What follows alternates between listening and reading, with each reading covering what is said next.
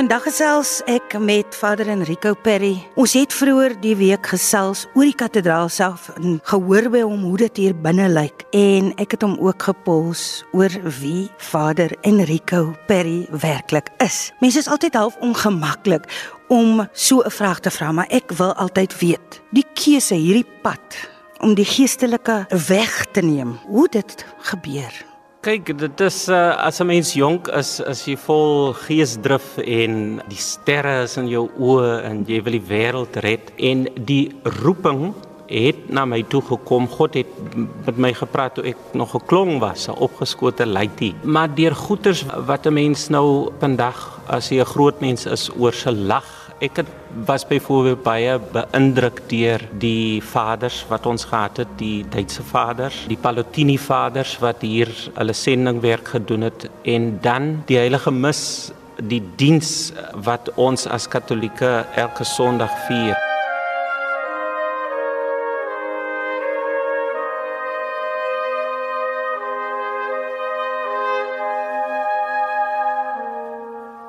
Ek was 'n altaardienaartjie van kleins af en ek het gemol om te dien. en die goeters wat die priester doen by die heilige mis um, en so aan, die het my baie baie beïndruk op 'n visuele manier kan 'n mens maar sê. Dit het sy merk gelaat. En dan daardie tyd het hulle altyd gepraat van hoe 'n tekort daar aan priesters was. En ek het gedink jene um sulke mooiheid van die egaristiese diensrealiteit die heilige mis dit beteken dat baie mense um dit nie sal ken soos ek dit geken het nie. Kom kom ek steek maar my hand op man. En ek dink God het so 'n visuele manier gebruik om my nader te trek op 'n manier het ek die roeping daardeur begine voel. Toe het ek my ingelaat daarvoor, maar natuurlik het ek nie geweet wat wat vir my voorlê nie. Op 'n stadium het ek uh, vir hom gevra nog toe ek 'n laity was. Nou, hoekom wil jy dan my gebruik? Ek is mos hier iemand wat uh, begaafd is nie. en ek het uh, nog nie antwoord gekry nie. so so gepraat van begaafd. Ons sal nou daar uitkom dat ek 'n bietjie Vader Pauls oor daai deel, maar wat vir my interessant is, soveel goed word gesê oor 'n Katolieke kerk en dan is daar natuurlik mense wat hulle daaroor sterk uitlaat. Nou voordat Vader toe nou daai besluit gemaak het, was daar mense of die sulkes wat gesê het, "Wil jy regtig sien jy kans? Wil jy vure doodslaan?" Hoe voel Vader oor die uitdagings daarvan om vure te moet doodslaan? My ouma was in die in die Konkerk, né? Nou die een wat in die Konkerk gebly het, Margriet van die plaas van Groot Kraal. Sy het vir my gesê, "Jong, uh, wat se uh, vader besigheid is die ek wil klein kinders hê."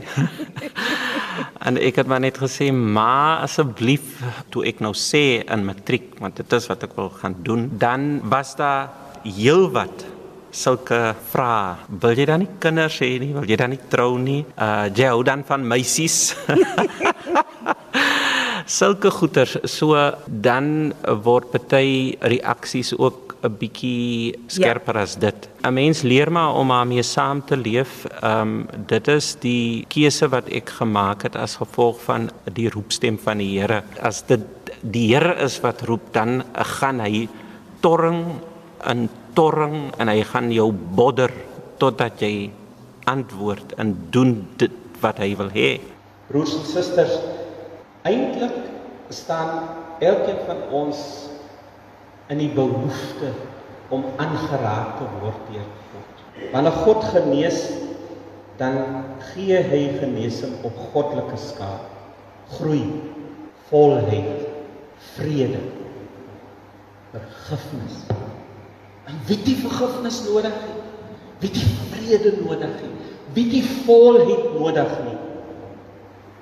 En ek dink dit is wat in my lewe gebeur met priesterskap. Ek doen dit nou nie altyd mooi en voorbeeldig nie, maar ek doen wat die Here van my uh, gevra het om te doen. Krom en skeef en ek is gelukkig uh oor die keuse wat ek gemaak het. Ek is nou beter in staat om reaksies te kan hanteer. Ons het nou voorheen gepraat oor begaafd. Ek kom van Oudtshoorn en vader is van Oudtshoorn en ek weet dat mense altyd gepraat het van hoe slim vader was. En iemand se woorde was, ek sal nooit vergeet nie, dit was 'n onderwyseres. Sy het gesê hy's eintlik meer as begaafd geweest as kind en hulle was half verbaas toe vader hierdie pad kies. Uh ja, ek het nou die dag was ek by 'n troue gewees en ek dans toe met my Afrikaanse onderwyser van standaard 8 en sy het my geleer dans. Toe ons in matriek was toe in voorberei het vir die matriekafskeid toe leer sy ek, ek kan drie danse doen. Die een is die wals en die ander een is die quick step en dan weet ek wat nie. En toe dans ons nou ek kan sê wals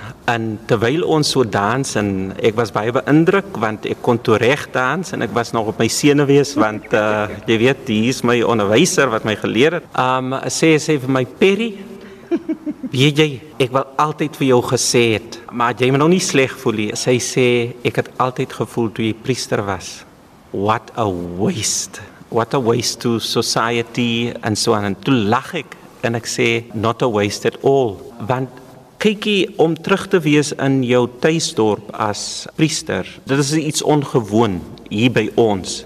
Gewoonlik word jy uh, gepos na 'n plek toe waar jou familie nie is nie mm. en en so aan maar ek het nou hier by biskop se kantoor moes ek kom werk in biskop se kantoor is in Oudtshoorn. So uh, jy ervaar heeltyd mense saam met wie jy groot geraak het, mense voor wie jy groot geraak het en hulle eer en respek jou as vader. Hulle is ongemaklik dat jy nou nog vir hulle moet sê Mr. D en juffrou Daai. Jy kom ons maar my op my naam noem, jy's 'n vader en ook my onderwyser wat wat uh, vir my die wêreld oopgemaak het en ek dink tog dat hulle nou ook die draai gemaak het en gesien het dat die keuse wat ek uiteindelik gemaak het om priester te word as 'n mens nou praat van terugploeg en so aan dat dit baie sterk positiewe invloed het op hier waar ek groot geraak het dat dit op die ou einde nie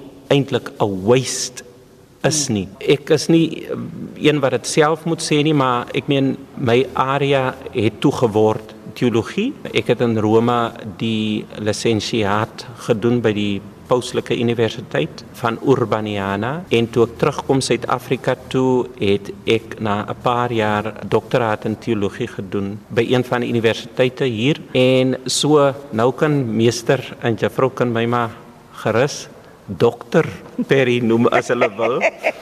So so jy weet ek dink in daardie opsig het ek nie eh, stil gaan staan of hoe hoe sê mense ek het die stokkies gedraai mm. in daardie opsig. Al het vader nou nie 'n dokter geword of 'n prokureur of 'n ingenieur nie.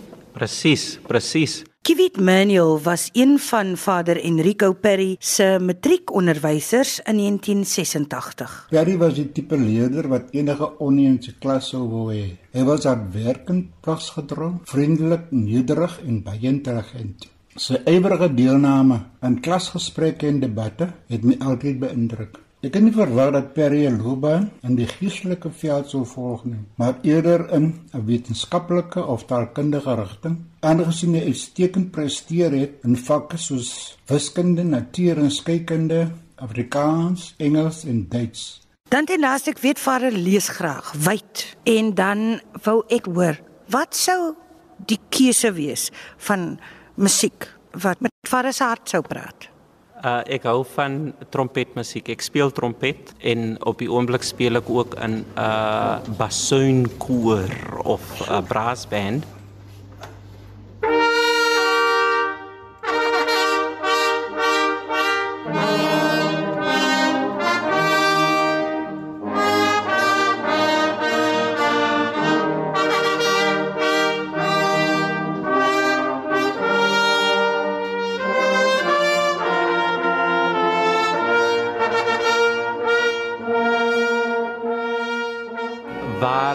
Die kunstenaar trompet speel die ook baie van en waar dit soms geestelike goeters is wat met die trompet gedoen word. Dit hou ook baie van. En dan kyk jy daar, daar is mos songs en goeters waar waarmee mense groot geraak het man. Angela gaan dans, jy weet as Bakkelsdorp oorkom en kom speel teen Bridgton en so aan.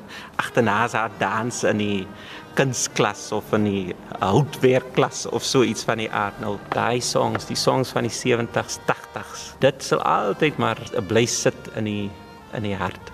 Is daar 'n boodskap van hoop vir die moedeloses? Nou die dag het ek gaan bieg. Um, en die priester sê toe vir my twee goed. Een ding wat hy gesê het, het te doen gehad met die sondes wat ek voor hom gebring het. Hy het gesê moet nooit vergeet dat sonde ernstig is en dat dit gevolge het. Maar die ander ding wat ek wil hê jy moet onthou, moet nooit vergeet hoe lelik hy sondes ook al is. Die onuitputlike genade van God moet dit absoluut nooit vergeet of afwater in jou lewe nie. Vir my is dit die boodskap van hoop wat ek saam met my neem vir die volgende so lank. God se onuitputlike genade wat ons dra, wat ons laat opstaan uit die stof en wat ons wil laat aanhou. Soos hy sy seun op die kruisweg 3 keer het hy geval en tog het hy opgestaan. Hmm. So daarin lê vir my 'n boodskap van hoop in nou kan ek weer aangaan vir die volgende soveel dae en weke.